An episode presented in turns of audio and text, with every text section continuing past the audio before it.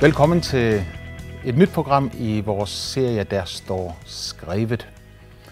Vi har været i gang med at se på Guds frelsesplan fra første Mosebog til Johannes åbenbaring, eller fra første gang han skabte himlen, hele universet og jorden, og så når han til i afslutningstiden igen vil skabe en ny himmel og en ny jord.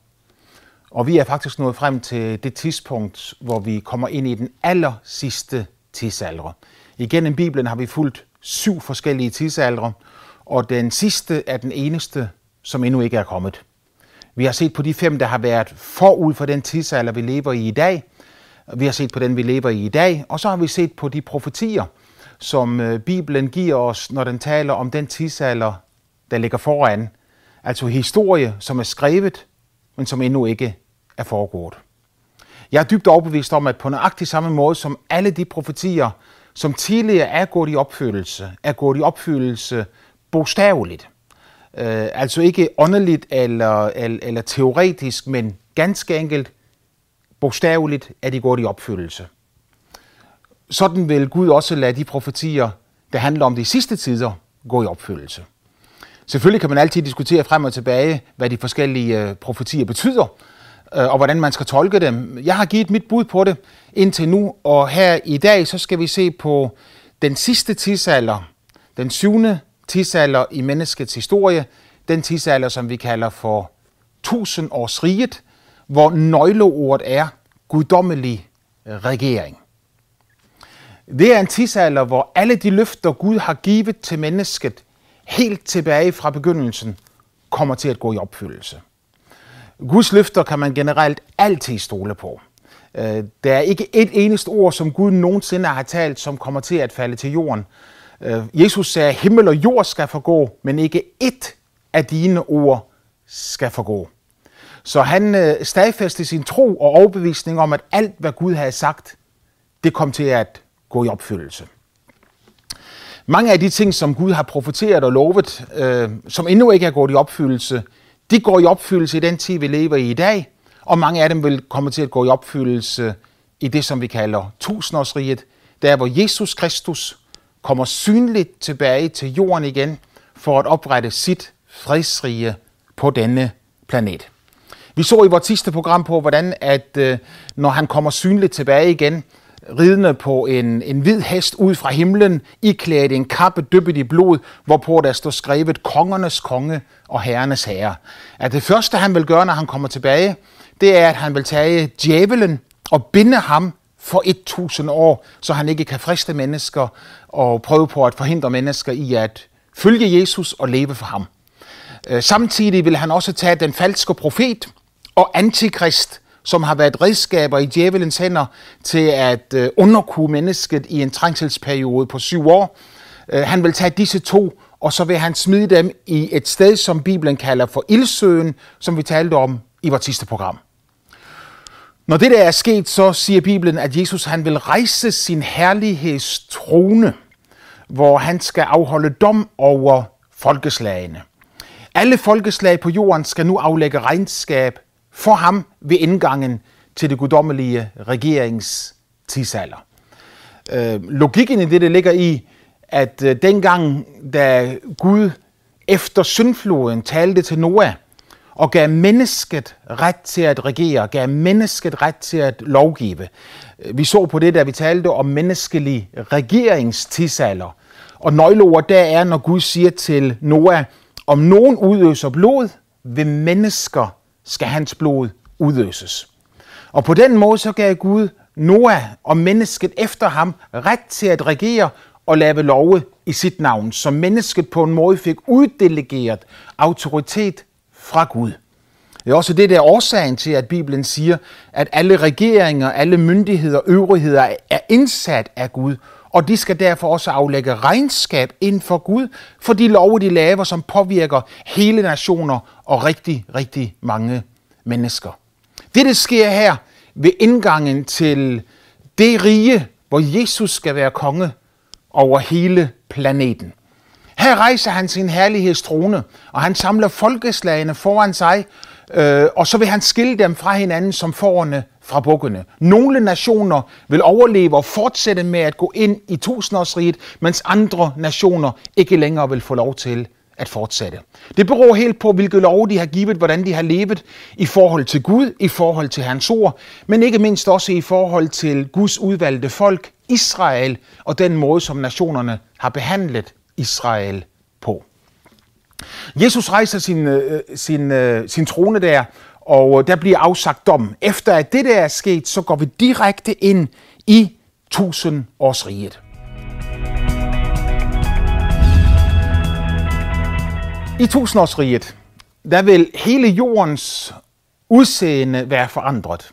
Jordens topografi vil være helt anderledes end det vi kender i dag.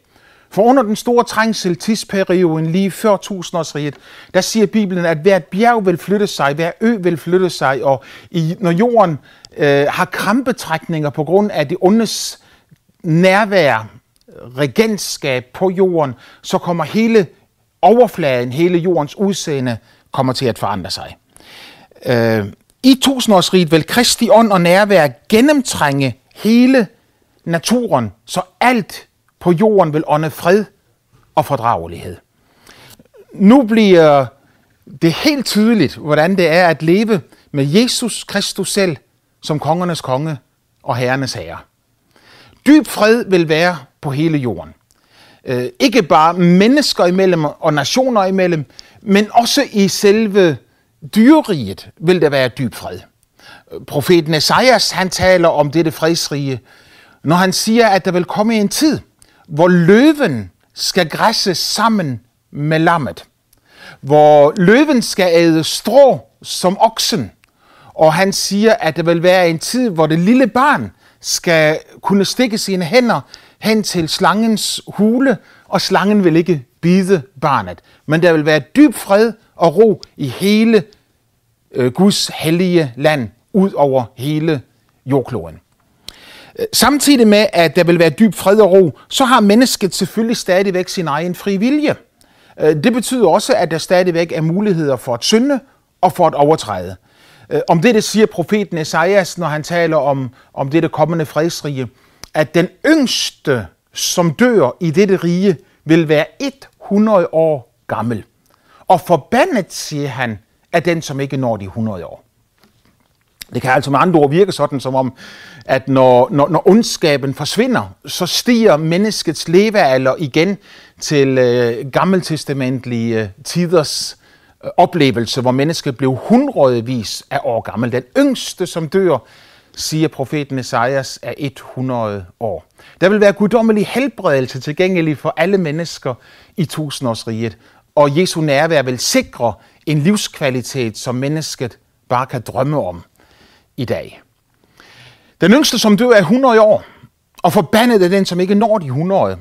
I det øjeblik, du begynder at tale om forbandelse, så må der være en årsag til denne forbandelse.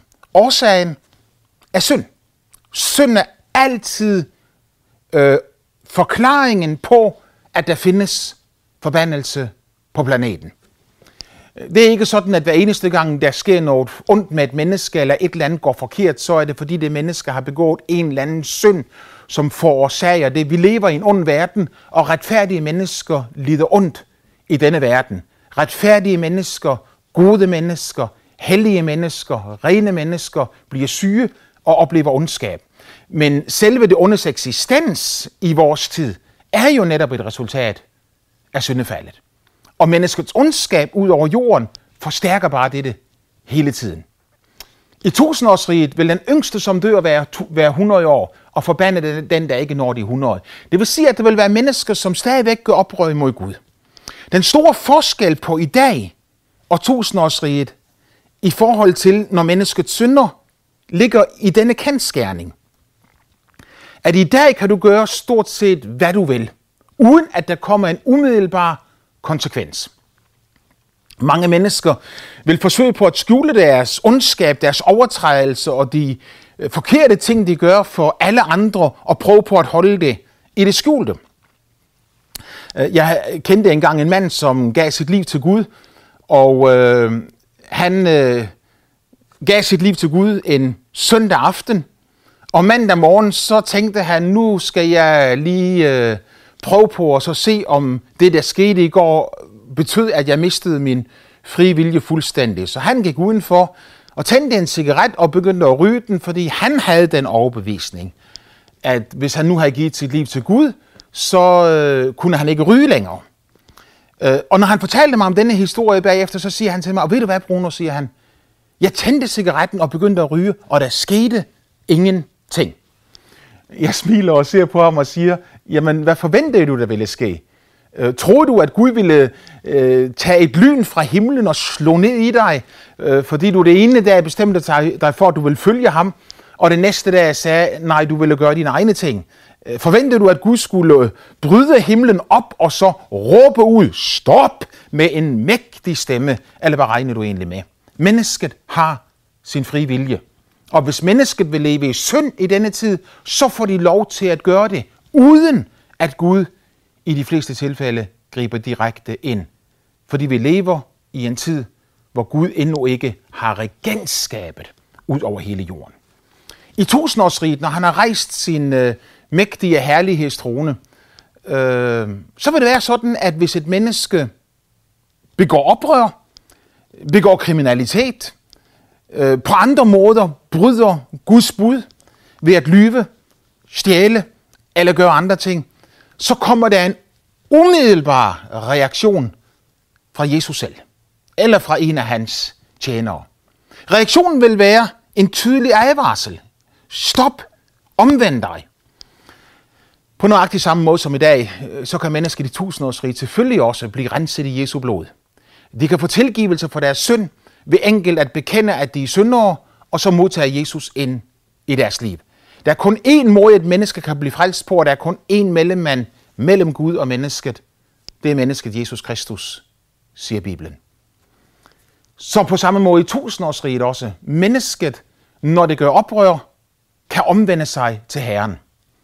Hvis de nægter at omvende sig, så er det, Bibelen siger, at døden vil ramme den. Forbandet er den, der ikke når de tusind år.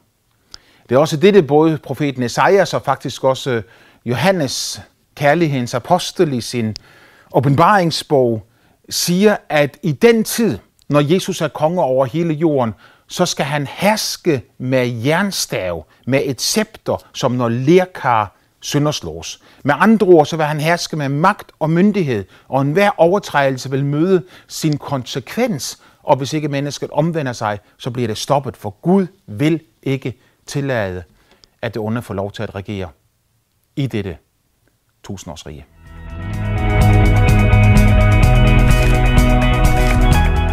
I tusindårsriget, der vil Jerusalem være verdens hovedstad.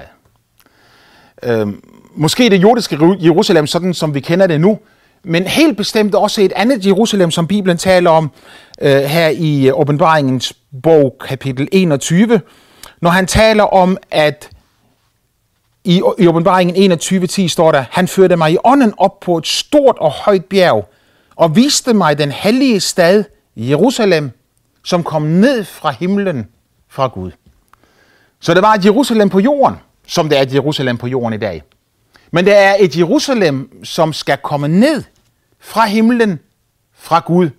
Og, og dette Jerusalem vil være det nye Jerusalem. Øh, en by, som Johannes han beskriver med fantastiske ord, når han taler om, at øh, øh gaderne i byen er guld. Han taler om, at porten er en stor perle øh, som mennesker går ind og ud af, at murene er bygget af jaspis. Og han beskriver i det hele taget en by, som, som er noget af det mest fantastiske, øh, som et menneske vel ikke engang kunne bygge, men som hvis bygmester er Gud selv. Øh, en by i øvrigt, som øh, allerede Abraham, længe før Bibelen var skrevet, havde åbenbaring om. For i Hebræerbrevet det 12. kapitel, der siger Bibelen til os, at Abraham ventede på den by, som Gud havde beredt for dem, der elsker ham. Øh, denne by, siger Bibelen, er 2.500 km lang. Den er 2.500 km bred, og den er 2.500 km høj. Der kan bo milliarder af mennesker i denne by. Denne by er fuld af Guds herlighed. Denne by har ikke elektricitet, der er ingen kraftværker, kraftvarmeværker, der er, ingen, der er ingen, ikke brug for alle disse ting, for, for Guds herlighed skal oplyse hele byen, og hele byen skal være gennemtrængt af hans herlighed. Øh, at byen er 2.500 km højt, er der nogen, der udlægger på denne måde, at byen vil være som en kæmpe stor satellit, der svæver over jorden i disse tusind år. Så man kan være i det jordiske Jerusalem, og så blive beamet op 2.500 km til det, til det himmelske Jerusalem, øh, som øh, er kommet ned fra himlen fra Gud, hvor lammet Jesus Kristus, faderen og hele hans ærlighed bor. Derfra vil han regere i tusind år. Bibelen siger, at folkeslagene skal strømme sammen i løbet af disse tusind år. Der er mange, mange profetier i Bibelen. En af dem finder du hos øh, profeten Zacharias kapitel 8. Der er mange profetier i Bibelen om dette fredsrige, om tusindårsriget. Her i, hos profeten Zacharias kapitel 8, vers 20, står der sådan her. Så siger herskars herre, endnu skal det ske, at folkeslag og mange byers indbyggere skal komme, og den ene bys indbyggere skal sige til den anden, lad os vandre hen og bede Herren om noget, og søge herskars herre, og så jeg vil med. Altså ikke bare enkelt personer, siger Bibelen, men hele folkeslag og hele byer vil komme og søge Herren, søge Gud og bede om hans nåde og velsignelse. Og mange folkeslag og talrige folk skal komme og søge herskars herre i Jerusalem for at bede Herren om noget. Så siger herskars herre, i hine dage skal ti mænd af alle folks tungemål gribe fat i en jødes kappefli og sige, vi vil gå med jer, for vi har hørt, at Gud er med jer. Det er endnu en af årsagerne til, at denne tidsperiode i det hele taget vil komme øh, i afslutningen af hele Guds frelsesplan. Da Gud kaldte jøderne stam fra, stam fra Abraham ud fra Ur i Kaldæa, så siger han til ham, hvis du vil forlade dit folk, din slægt, dit land, din by, og gå til det land, som jeg vil vise dig og være lydig imod mig, så vil jeg velsigne dig, give dig et stort navn, og i dig skal alle jordens slægter velsignes. Alle de løfter, som Gud gav Abraham, øh, både om, at øh, alle jordens slægter skulle velsignes i hans navn, om at hans efterkommere Israel skulle få deres eget land geografisk. Øh, alle disse løfter vil bogstaveligt gå i opfyldelse i dette tusindårsrige. Det er ikke sådan, at jeg er et menneske, som tror, at disse løfter kun går i opfyldelse en gang i fremtiden. Vi ser dem jo gå i opfyldelse lige foran vores øjne. Men det er med disse løfter, der går i opfyldelse lige, for, lige, foran, lige foran vores øjne, som øh, øh, med, med mange andre ting, Gud siger, at, at de går i opfyldelse stykkevis. Et lille barn, når det bliver født, er jo heller ikke fuldvoksen med det samme, men øh, de planer og tanker og den vilje og hensigt, Gud har med et hvert menneske, mens et menneske vokser til, så kommer de ting til at udvikle sig, og så kommer det til at ske. Så Gud samlede Israel og kaldte dem tilbage til deres eget land igen i 1948. I 1967 der fik Israel igen adgang til, til, til den gamle del af Jerusalem. Men de løfter, som Bibelen giver angående både landområde og velsignelse, er langt større end det, som vi ser i dag. Jeg skal ikke på nogen måde polemisere eller prøve på at tale politik øh, eller fortælle, hvad verdens regeringer i denne frafaldstid, som vi lever i, vil gøre eller vil finde på at gøre. Øh, jeg vil bare nøjes med at sige, at Bibelen den siger klart og tydeligt, at hele jorden vil samle sig mod Israel og forsøge på at ødelægge dette folk. De vil gøre det, fordi at øh, de er inspireret og påvirket af dæmoniske kræfter, fordi Antikrist, den falske profet og øh, djævelen selv og alle hans herskere af dæmoner og engle er med til at påvirke mennesker, og fordi de hader Gud, og fordi Gud elsker Israel. Elsker Israel, fordi Israel er hans folk, hans tjener så vil de forsøge på at ødelægge folket, netop fordi de ikke kan ramme Gud. I tusindårsriget, der kommer Israel til at opleve den fulde velsignelse Og alle løfterne, som er givet til Abraham, går i opfyldelse.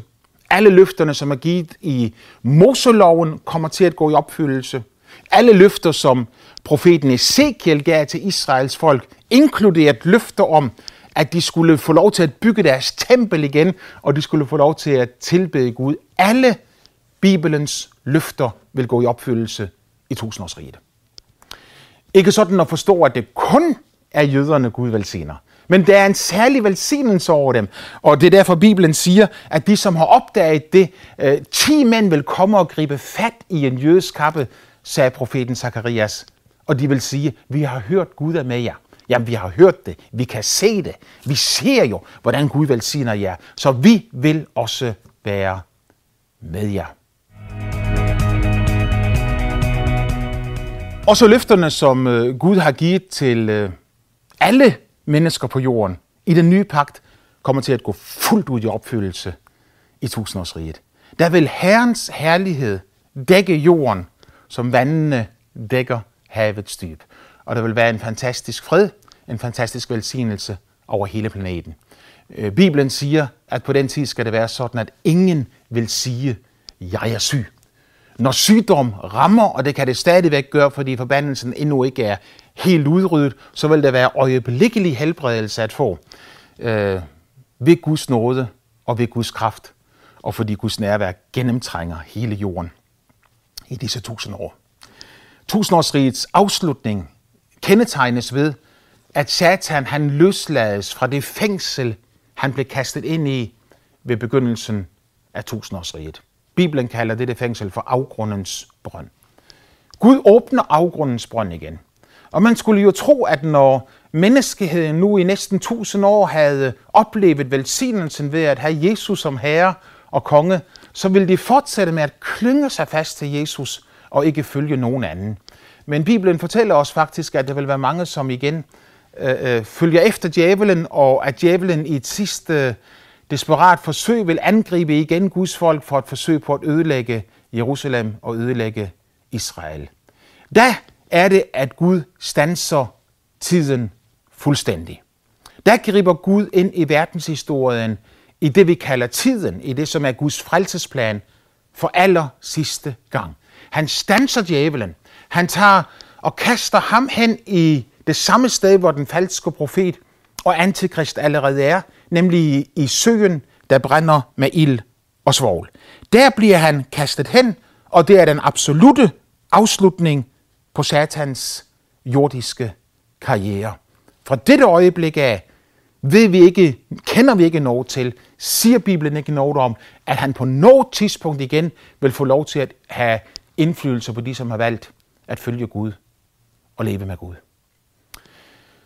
Når det er sket, så siger Bibelen, at øh, Gud rejser sin store, hvide trone. Øh, her skal mennesker, som fra begyndelsen og helt indtil den sidste tid er døde i vantro, opstå og modtage deres dom foran Guds trone. Netop fordi Gud er en retfærdig Gud, må han stille et hvert menneskes uretfærdighed til ansvar. Fordi Gud er kærlighed, har han åbnet en dør og en vej, så et hvert menneske kan komme tilbage til ham igen. Fordi han er hellig, så kan han ikke tillade, at et menneske bare går ind i disse ting med sin urenhed, men han stiller mennesket til ansvar for alle sine overtrædelser og for alle sine gerninger. Jesus han siger, et hvert menneske skal aflægge regnskab for et hvert ord, der udgår af deres mund.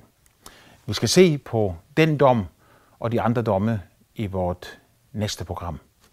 Må Gud velsigne dig. Husk, at han elsker dig, og han vil dig det kun godt hele vejen igennem.